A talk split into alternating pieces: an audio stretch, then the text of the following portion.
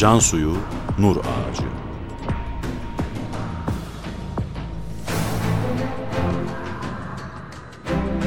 Metin Yusuf Ziya Özkan.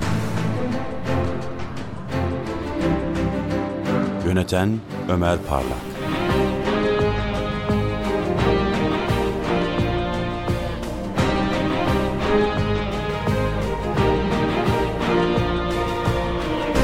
On altıncı Bölüm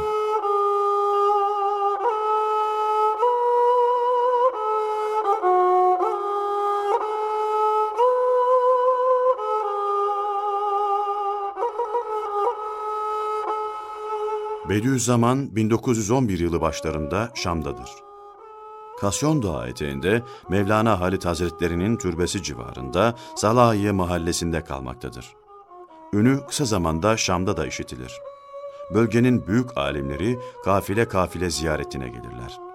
Hacda buluşmayı düşündüğü Nurşinli Hazret'le ancak Şam'da buluşabilirler. Ve bir gün Şam uleması Ümeyye Camii'nde Cuma hutbesine davet ederler onu. O gün cami çok kalabalıktır. Muazzam bir cemaat toplanmıştır. Yüzlerce alim de cemaat arasındadır. Herkes pür heyecandır. Ve Bediüzzaman Arapça olarak şöyle hitap eder cemaate.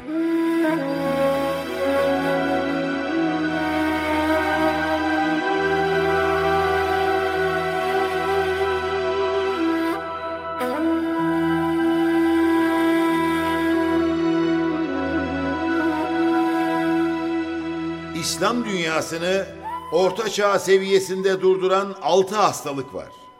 Birincisi yeisin, ümitsizliğin içimizde hayat bulması. İkincisi siyasi ve sosyal hayatta doğruluğun, dürüstlüğün ölmesi. Üçüncüsü düşmanlığa muhabbet. Dostluktan ziyade düşmanlığı sevmek. Sürekli düşman üretmek. Dördüncüsü iman ehlini birbirine bağlayan nurani bağları bilmemek. Beşincisi, bulaşıcı hastalıklar gibi her tarafa yayılan istibdat, diktatörlük. Altıncısı ise himmeti şahsi menfaate hasretmektir. Sadece şahsi menfaat için işler yapmaktır.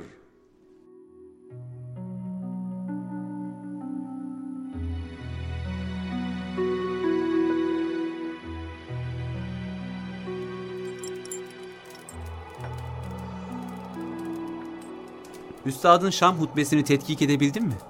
İkinci baskısı elime geçti. Ee, Ebu Ziya matbaasında basılmış. Okuma inceleme fırsatın olabildi mi peki? Üzerinde hüküm verecek kadar değil. İslam alemi için ebedi ve daimi bir ders. Okumalısın. Ana hatlarıyla biraz bahsetsen. İslam aleminin içine düştüğü ümitsizliği, ataleti, neme lazımcılığı izale ediyor. Muazzam burhanlar, akli, mantıki deliller gösteriyor. Müjdeler veriyor ki insanın hayata bakışı değişiyor. Bu kıyamet alametleri meselesi, bu ahir zaman teslimiyeti sence de çok tuhaf değil mi? Herkes garip ve tuhaf bir şekilde kıyameti beklemeye durmuş. Oysa kıyameti kopuyor görseniz, dağlar hallaç pamuğu gibi atılsa, elinizde bir fidan varsa dikin buyuruyor Efendimiz. Bunu da başka türlü anlıyoruz galiba. Fidan. Elimizde heder olan o kadar çok fidan var ki. Çocuklarımızı neden fidan olarak göremiyoruz ki? Hatırımda kaldığı kadarıyla şöyle diyor. El emel. Yani rahmeti ilahiyeden kuvvetle ümit beslemek. Evet.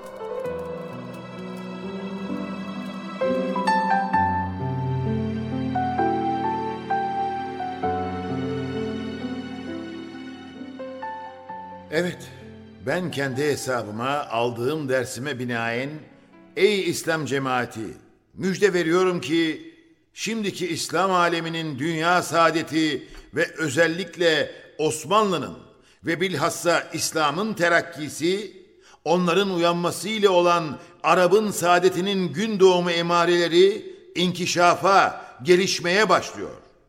Ve saadet güneşinin doğması yakınlaşmış. Ümitsizlik ve yeis dalgalanmalarına rağmen kat'i bir kanaatle bütün dünyaya derim ki Gelecek yalnız ve yalnız İslamiyet'in olacak. Ve hayata Kur'an ve iman hakikatleri hakim olacak.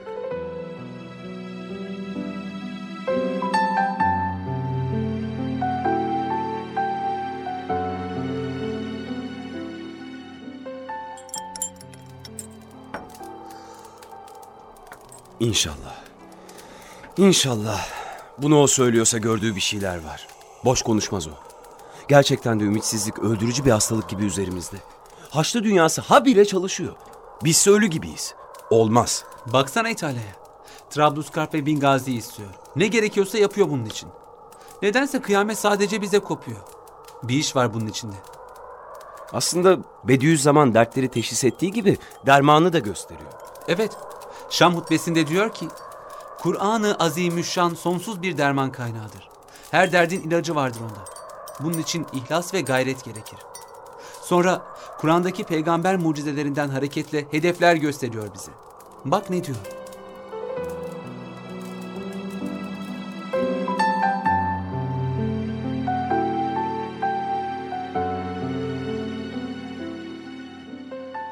Hadi çalış. Bu mucizelerin numunelerini göster. Süleyman Aleyhisselam gibi iki aylık yolu bir günde gidebilirsin.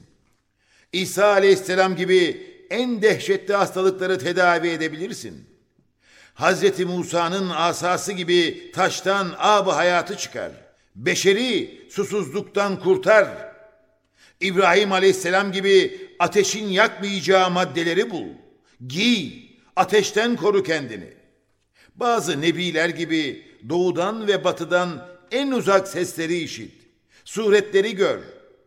Davut Aleyhisselam gibi demiri hamur haline getir. Bal gibi ona şekil ver. Kur'an her cihette beşeri maddi manevi ilerlemeye sevk etmek için ders veriyor. Külli bir üstad olduğunu ispat ediyor.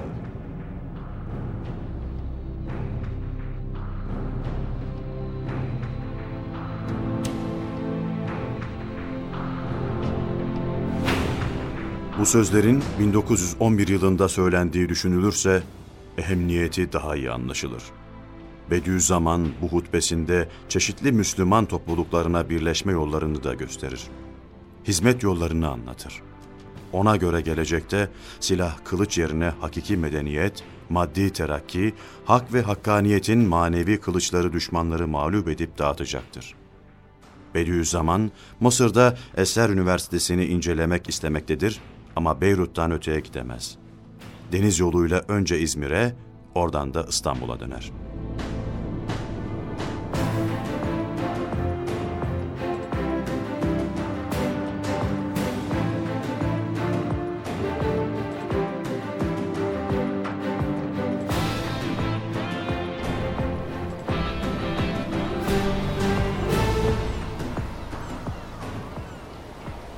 Sultan Mehmet Reşat'la Bediüzzaman da gitti mi acaba? Gitti. Arnavutlara karşı politik bir sempati meydana getirmek için yapılan bu Rumeli gezisine Bediüzzaman da katıldı. O her şeyi başka türlü görmüştür. Selanik'te Ayasofya Camii'nde padişah cuma namazı kılarken Sadrazam Hakkı Paşa'nın elleri arkasında sinirli sinirli ıslık çalarak cami avlusunda adımlamasını görmemiştir. Ama belki duymuştur. Çünkü o iyi olan şeyleri görme taraftarıdır. Bu iddiatçılar temelli değil ne tavır aldılar ya. Ne oluyor böyle? Sanki bütün amaçları İslam'ı ortadan kaldırmak. Ya insan tuhaf oluyor. Sanki birileri sıkı bir emir verdi bunlara. Çok ama çok titiz oldular bunlar. İslam dendi mi nasırlarına basılıyor sanki. Bediüzzaman'ın da ısrarla İslam'ı savunması hoşlarına gider mi?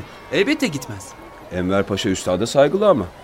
Hükümette, mebuslarda padişah da hürmet gösteriyor. Ama hangisi samimi bilemiyoruz. Ben padişahın her şeye rağmen samimi olduğuna inanıyorum. Huzurunda ele tek öpmediği halde onu Rumeli seyahatine götürdü. Şark vilayetlerini temsilen heyette o yer aldı. Evet, doğru. Selanik'ten Kosova'ya giderken trende bir şeyler olmuş ama. İki öğretmen şeyi sormuşlar.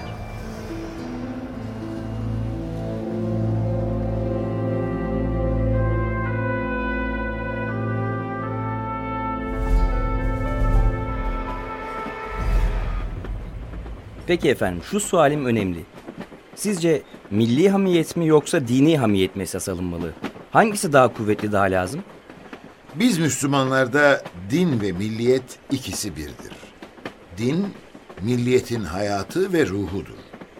Umumi hukuk içinde dini hamiyet esas olmalı. Milli hamiyet ise dine hizmet eden kuvvet ve kale olmalı. Her taraf için bu böyle mi? Her ülke, her millet için? Özellikle biz şarklılar Batılılar gibi değiliz. İçimizde kalplere hakim olan din hissidir. Ezeli kader birçok peygamberi şarkta göndermiş. Sadece din hissi şarkı uyandırır. Terakkiye sevk eder. Asr-ı saadet ve tabi'in devri bunu ispat etmekte. Akli delilin nedir? Bak, tren tünelden çıktı. Görüyor musunuz? Tren yolunun yanında bir çocuktan başka bir şey görmüyorum. Evet, onu gösteriyorum. Trenden hiç çekiniyor mu? Korkup kaçıyor mu? Neden kaçsın ki? Çünkü şunu biliyor. İman ediyor. Sebat ve metanetinin lisanı ile diyor ki, Ey şimendifer, sen bir nizamın esirisin. Senin gemin, senin dizginin, seni gezdirenin elindedir. Senin bana tecavüz etmen haddin değil. Beni istibdadın altına alamazsın. Hadi yoluna git. Kumandanının izniyle yolundan geç. Tren bir rayda gidiyor, ray yön veriyor ona. bir nizama, bir düzene bağlı yani. O çocuk da trenin kumandanına ve intizamına itikad ediyor. Kalbinde bu hakikat var. Son derece rahat. Kıpırdamıyor bile. Biliyor ve inanıyor ki o tren kendi başına hareket etmez. evet söz nereye gelecek? Bu temsilde o masum çocuğun imanından gelen kahramanlık gibi bin senede İslam topluluklarının kalbinde yerleşen iman ile onlar imandan gelen bir kahramanlıkla ölümü gülerek karşılıyorlar. Şehitliğe inanıyorlar çünkü. Mikroptan kuyruklu yıldızlara kadar bütün tehditlere karşı imanın kahramanlığı ile mukabele edip korkmuyorlar. Korkmak ya da korkmamak neyle ilgili? İlahi kader ve kazaya karşı imanın teslimiyetiyle korku ve dehşete düşmek yerine hikmet ve ibret keşfiyle dünyevi bir mutluluk elde ediyor. Bir tad alıyor. Geleceğin mutlak hakimi ahirette olduğu gibi dünyada da İslamiyet milliyetidir. İttihat terakkiciler artık sizin gibi düşünmüyor. Ziya Gökalp farklı bir milliyetçilikten bahsediyor bugünlerde. Kürtçülükte başarılı olamayınca şimdi de Türkçü oldu. İttihat terakkiciler de mal bulmuş Magribi gibi onun fikirlerine sarılıyorlar. Küfür ve dalalet. Bütün kainatı dalalet ehline binlerce müthiş düşman şeklinde gösteriyor.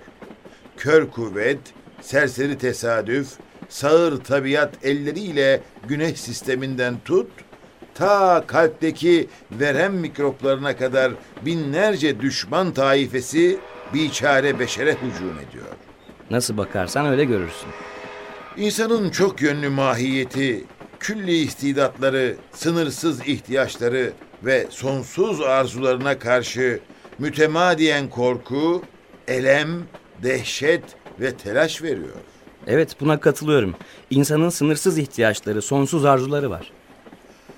Ve zavallı insan bu korkuları hissetmemek için sefaate ve sarhoşluğa sevk ediliyor. Zarar içinde zarar. İşte iman ve küfür muazenesi ahirette cennet ve cehennem gibi meyveleri ve neticeleri verdiği gibi dünyada da iman bir manevi cenneti temin eder. Ölümü bir terhis tezkeresine çevirir.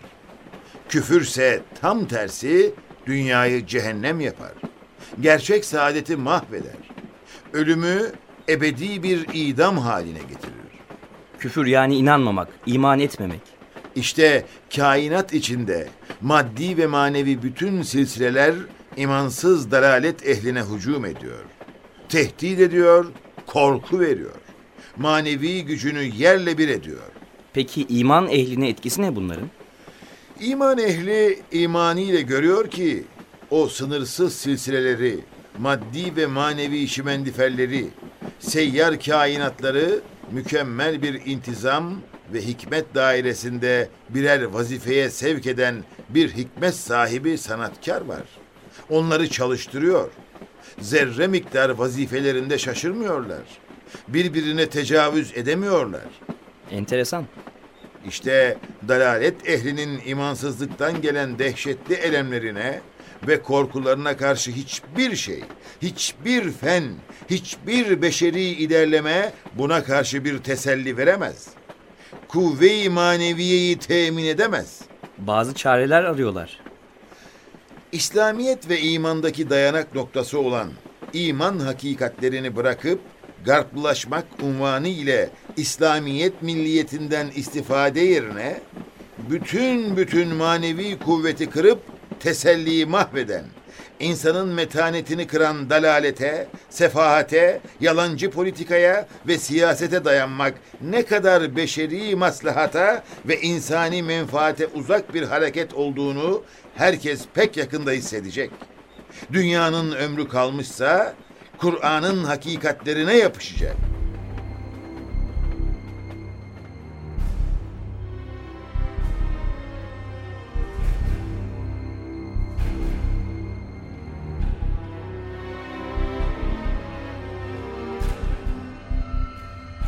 Artık Bediüzzaman konuşmalarını ve savunmalarını kaleme almakta ve kitap olarak da bastırmaktadır. Trendeki bu konuşma sırasında soru soran öğretmenlere bir misal verir.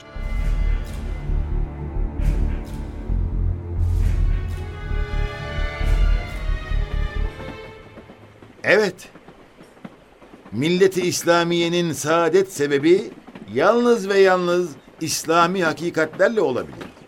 Sosyal hayatı ve dünyevi saadeti İslamiyet'in ilkeleriyle olabilir. Yoksa adalet mahvolur. Emniyet ve güven yerle bir olur. Ahlaksızlık, pis hasletler üstün gelir. İş yalancıların, dal kavukların elinde kalır. Size bu hakikati ispat edecek binlerce hüccetten bir küçük numune olarak bu hikayeyi dikkatinize sunuyorum. Bir zaman bir adam bir sahrada bedeviler içinde hakikat ehli bir zatın evine misafir olur. Bakar ki mallarının muhafazasına hiç önem vermiyor. Ev sahibi evinin köşesinde paralarını açıkta bırakmış. Misafir hane sahibine sorar.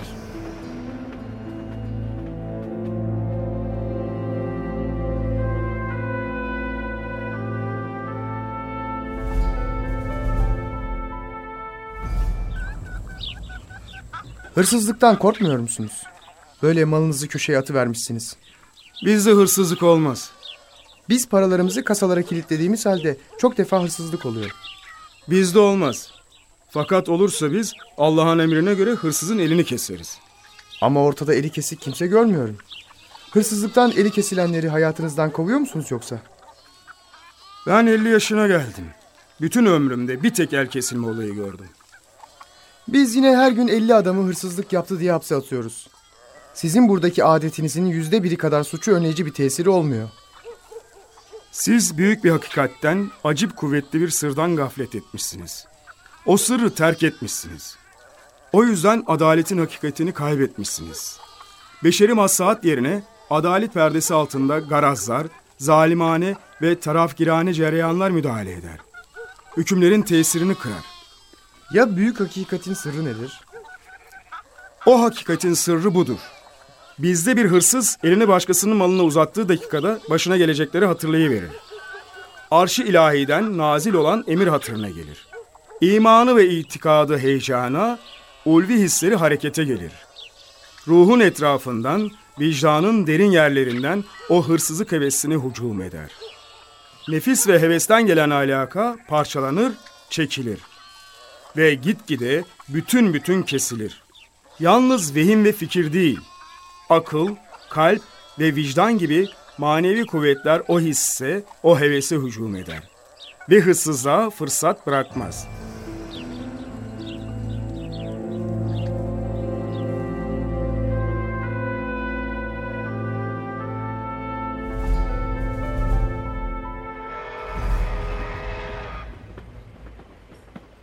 Suç ortadan kaldırılmış.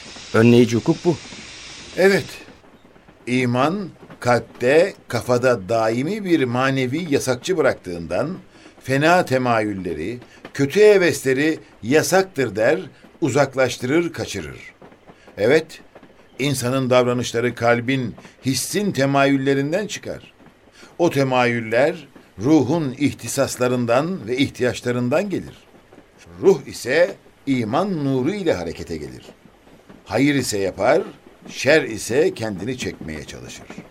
Artık Bir daha kör hisler onu yanlış yola sevk etmez, mağlup etmez. Şimdi kanun yapanlar kendi yaptıkları kanunla sorumlu olmayabiliyor.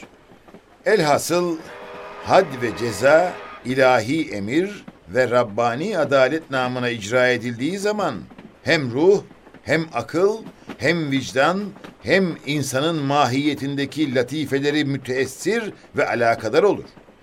Hakiki adalet ve tesirli ceza odur ki Allah'ın emri namıyla olsun. Yoksa tesiri yüzde bire iner. İtiraza mahal yok. Haklısınız. Doğru söylüyorsunuz. Dünyada beşerin saadeti adalet ile olabilir. Adaletse doğrudan doğruya Kur'an'ın gösterdiği yolla olabilir. Kosova ile ilgili bir planınız var mı? Kosova'da bir üniversite yaptırılacakmış. Büyük bir İslami Darülfünun. Ben de fırsat bulursam kendi projemi, Medresetü Zehra projesini anlatacağım. Şark, böyle bir Darülfünun'a daha muhtaç ve İslam aleminin merkezi durumundadır. Söz verdiler, vaat ettiler. İnşallah olumsuz bir şey olmaz. 16. bölümün sonu. Yarın yeni bölümde görüşmek üzere. Burç Prodüksiyon